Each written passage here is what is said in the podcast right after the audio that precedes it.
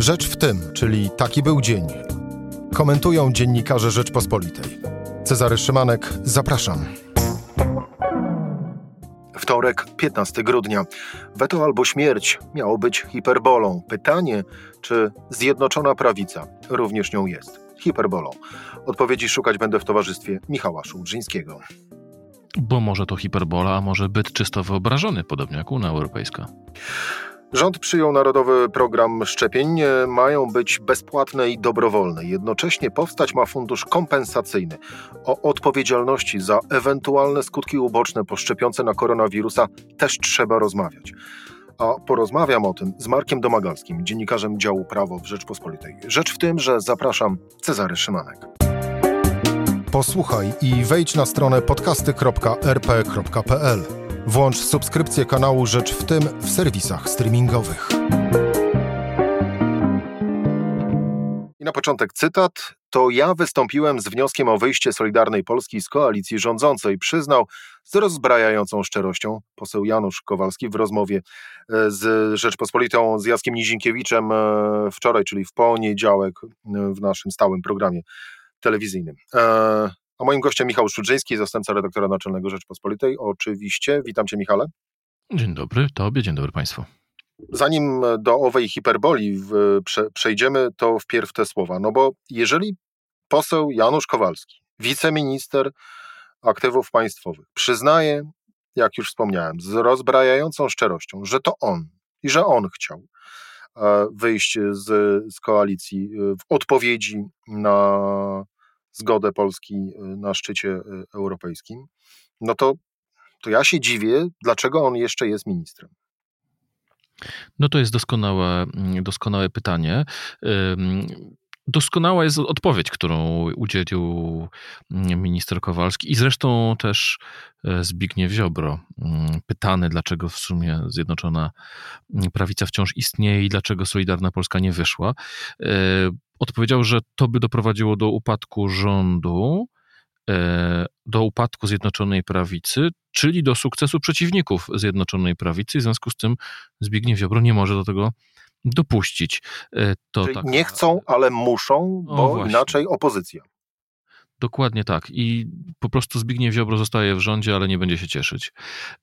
No bo troszeczkę nie ma, e, nie, nie, nie ma wyjścia, dlatego że w bardzo skomplikowanej sytuacji znalazła się w tej chwili e, Solidarna Polska. Jeżeli posłuchamy wypowiedzi z weekendu dotyczących mm, szczytu europejskiego e, i w ogóle Unii Europejskiej, e, widać tam kilka takich klarownych, klarownych mm, głosów. Wiadomo, opozycja mówi, PiS wszystko zepsuł, nikt nas w Europie nie szanuje, Europa jest wartością, tylko Europa nas obroni przed PiSem. PiS z kolei mówi, e, no, wchodziliśmy do innej Europy, Europa jest jaka jest, e, ale lepiej w niej być i lepiej się w niej awanturować, w związku z tym robiliśmy co mogliśmy. Konfederacja mówi, źle jest w Unii Europejskiej, powinniśmy wyjść z Unią Europejską, szczyt zabrał nam suwerenność. A co ma powiedzieć Zbigniew Ziobro? No i on tutaj ma problem, dlatego że jeżeli chce być konsekwentny, musi mówić językiem z e, Konfederacji, ale musiałby, żeby być wyrazistym, przebić Konfederację. Myślę, że takich zwolenników radykalnej, antyeuropejskiej e, polityki jest pokazują to sondaże, no nie więcej niż 10% e, w Polsce ankietowanych, e, co się wcale nie musi przekładać na 10% wyborców w wyborach. W związku z tym, no jest to pewna mała nisza po prawej stronie e, i Zbigniew Ziobro, mam wrażenie, skalkulował to, zobaczył, że samodzielnie może liczyć na może 2%, może 1,5%. Bardzo było ciekawe to wyliczenie, którego dokonał profesor Jarosław Flis, który powiedział to w wywiadzie w poniedziałkowej Rzeczpospolitej, że jeżeli się policzy głosy, które dostali wszyscy kandydaci Solidarnej Polski z list PiSu, e, wychodzi to 1,8 procenta głosów w ostatnich wyborach. E, czyli to, że oni mają dzisiaj 19 posłów, to jest oczywiście jakaś tam wewnątrz PiSu siła, ale z tym 1,8% wszystkich głosów nie mieliby szans na przekroczenie progu wyborczego. I wydaje mi się, że właśnie Zbigniew Ziobro taką kalkulację wykonał i stwierdził, trzeba się na chwilkę schować, e, idzie zima, przykryć się jakimś tam kocykiem i poczekać na lepsze czasy. Mi się bardziej kojarzy tutaj powiedzenie, że psy szczekają, ale karawana jedzie dalej. Pytanie natomiast, e, jak długo Solidarna Polska e, na tej karawanie cały czas e, będzie, będzie jechać? Jak długo ten, który przewodzi owej karawanie, będzie wytrzymywać głosy Zbigniewa Ziobry i nie tylko? Mm, tutaj cię zaskoczę. Zdradzę, co, co będzie w Środowej Rzeczpospolitej. W moim tekście stawiam tezę, że Jarosław Kaczyński wykona teraz gest pod adresem Zbigniewa Ziobry. Da coś, żeby go wzmocnić. E, dlatego, że to, czego bardzo nie lubi Jarosław Kaczyński, to jest nierównowaga siły. E, albo on w tej chwili uzna Ziobrę za pokonanego i postanowi go politycznie dobić, czyli zerwać koalicję, ale Jarosław Kaczyński nie wygląda na kogoś, kto ma ochotę na rządy mniejszościowe. A jeżeli tak, to będzie musiał w tym układzie funkcjonować dalej. A ten układ będzie funkcjonować dalej tylko wtedy, kiedy będzie równowaga sił między e, Ziobrą a Morawieckim. Skoro wejdę ci, wejdę ci w słowo, Morawiecki wygrał, to trzeba coś dać Ziobrze. No właśnie, i wejdę ci w słowo. Czy to coś, co można dać Zbigniewowi Ziobrze, to jest nowy premier? E, myślę, że nie aż tyle by dał e, Kaczyński Ziobrze, ale na przykład odmrożenie którejś z ustaw e, sądowych, na przykład e, ustawa, mm, reform, kolejna reforma tak w cudzysłowie Sądu Najwyższego. Wiemy o tym, że Zbigniew Ziobro ma ochotę z obecnych 120 sędziów, żeby zostało około 60, innymi słowy, żeby się pozbyć dotychczasowych sędziów Sądu Najwyższego z tych sprzed rewolucji mm, Prawa i Sprawiedliwości. Czemu nie? Dziś rano, no właśnie, pytanie jest, jak to traktować, ale dziś rano Polska Agencja Prasowa e, podała informację e, nieoficjalną, e, jakoby minister Jacek Sasin, szef Ministerstwa Aktywów Państwowych, miał zdymisjonować wspomnianego przeze mnie wcześniej posła i również wiceministra w tymże resorcie, czyli Janusza Kowalskiego. Balon próbny, przyglądanie się, jakie będą komentarze do, do tego, jaka będzie reakcja Zjednoczonej, a właściwie Solidarnej Polski? Tak, myślę, że to może być balon próbny. E, tym bardziej, że mm, depesza była oparta na anonimowej wypowiedzi polityka e, Prawa i Sprawiedliwości. No, Wiemy, że czasem politycy dają informacje tylko zastrzegając sobie anonimowość, więc tutaj nie mam pretensji do dziennikarzy Polskiej Agencji Prasowej. E, natomiast yy, jestem przekonany, że dziennikarz Polskiej Agencji Prasowej sobie tego nie wymyślił, e, tylko rzeczywiście od kogoś z polityków PiSu to usłyszał. Yy, natomiast PiS wydaje mi się, teraz będzie y, też prowadził taką grę e, na, na, sprawdzenie, na przykład, czy da się podzielić e, Solidarną Polskę. Przypomnijmy, gdy tylko kłopoty miał Jarosław Gowin wiosną, e, w czasie, gdy protestował przeciwko wyborom korespondencyjnym, PiS, y, nie zasypiając gruszek w, w, w popiele, zaczął sprawdzać, czy da się klub Gowina rozbić.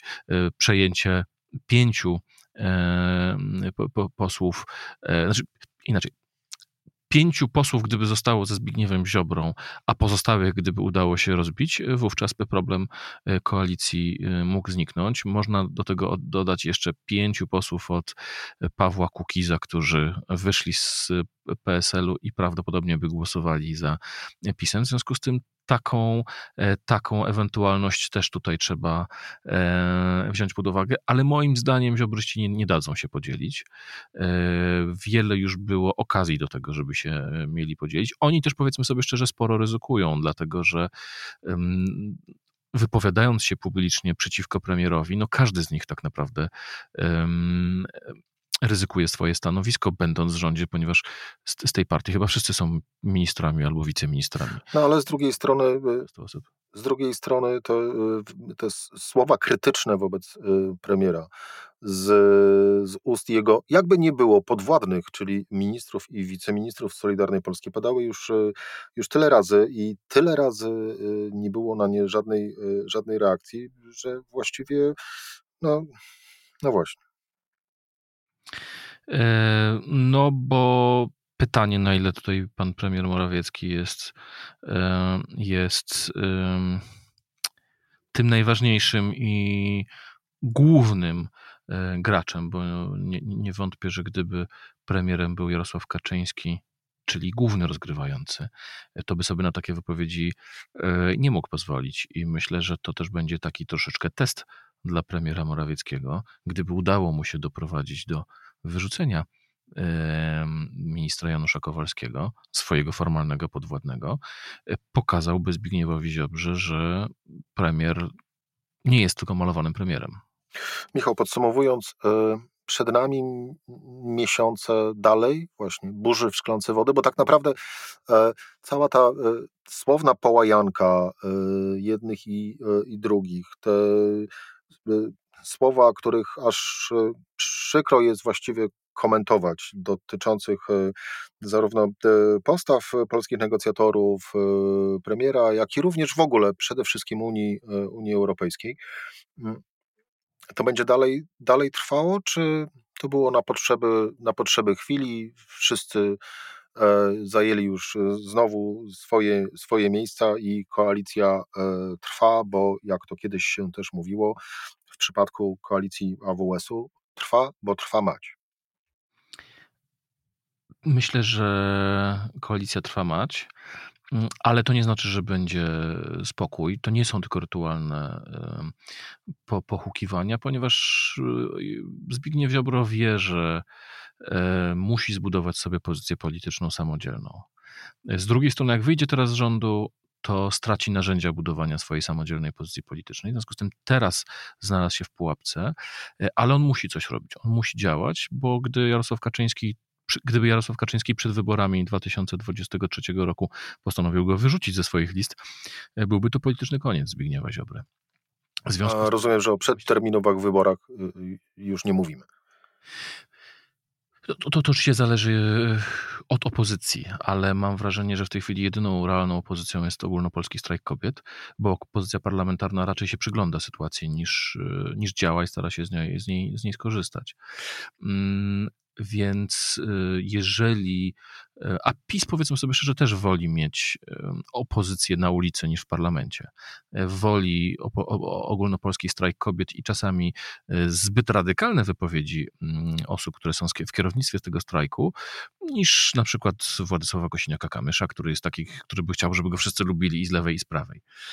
E, więc ja myślę, że wybory znaczy, to nie, nie jest przesądzone, że wybory się odbędą w 2023 roku, ale na razie mam wrażenie, widmo ich się raczej oddala, znaczy oddala się widmo przedterminowych wyborów. Mm, natomiast jakkolwiek by nie było, nawet gdyby wybory były w przyszłym roku, to tym bardziej Zbigniew Ziobro musi w tej chwili się odróżniać od Prawa i Sprawiedliwości. Czyli śmiać, ale się nie cieszyć. Myślę, że będzie, będą nieustanne podchody e, w wojnie pozycyjnej e, Morawiecki kontra Ziobro. Michał Szczurzyński, zastępca redaktora naczelnego Rzeczpospolitej. Michał, bardzo dziękuję Ci za rozmowę. E, bardzo dziękuję Tobie, dziękuję Państwu, do usłyszenia.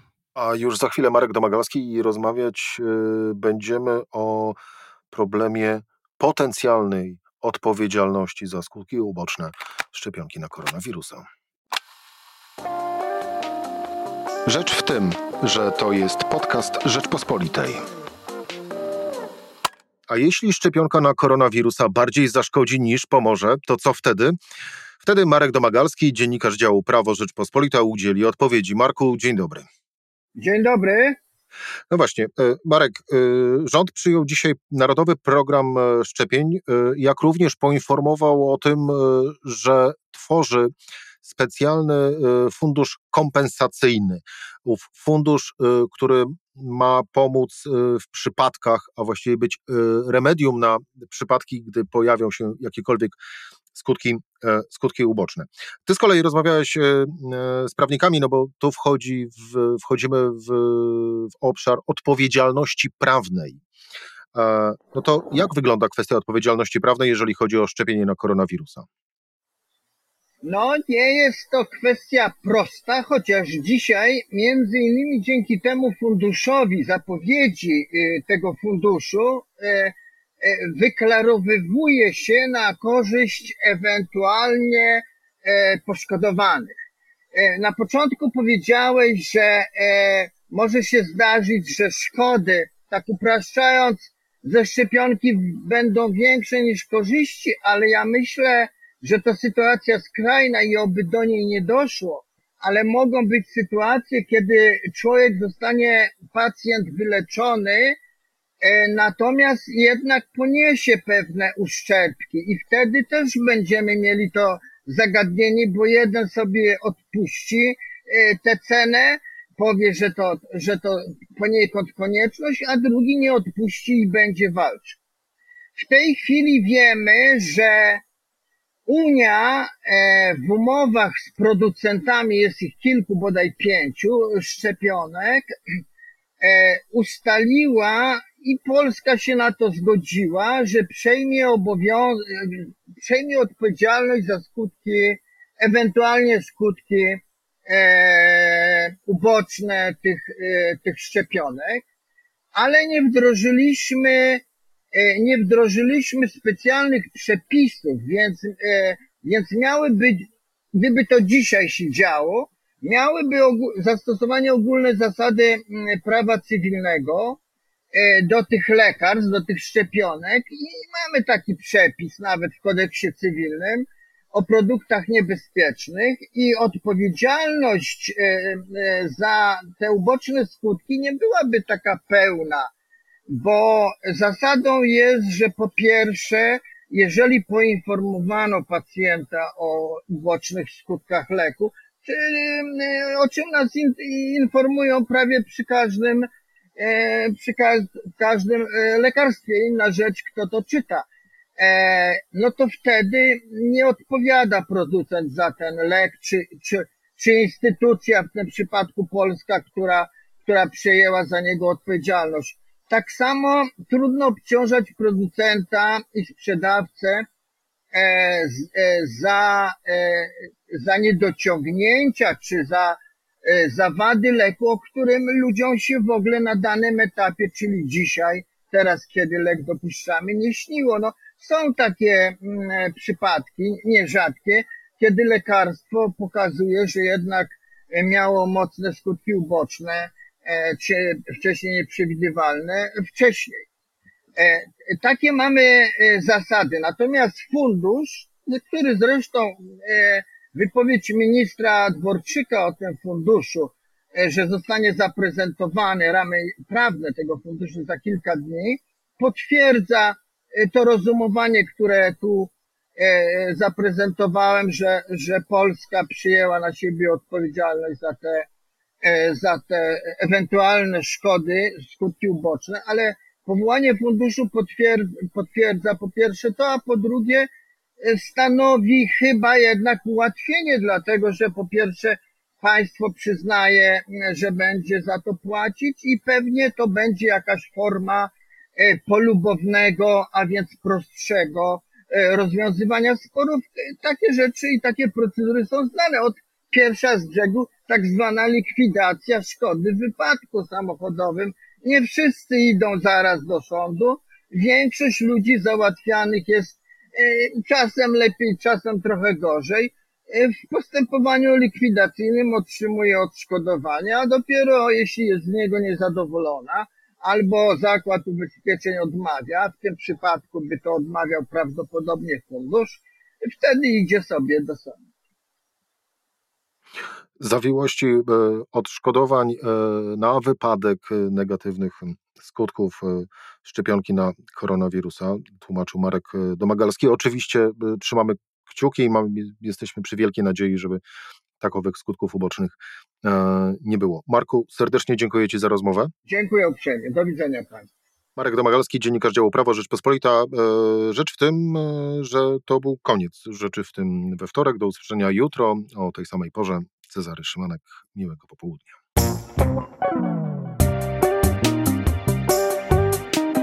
Rzecz w tym to codzienny program Rzeczpospolitej. Od poniedziałku do czwartku o godzinie 17.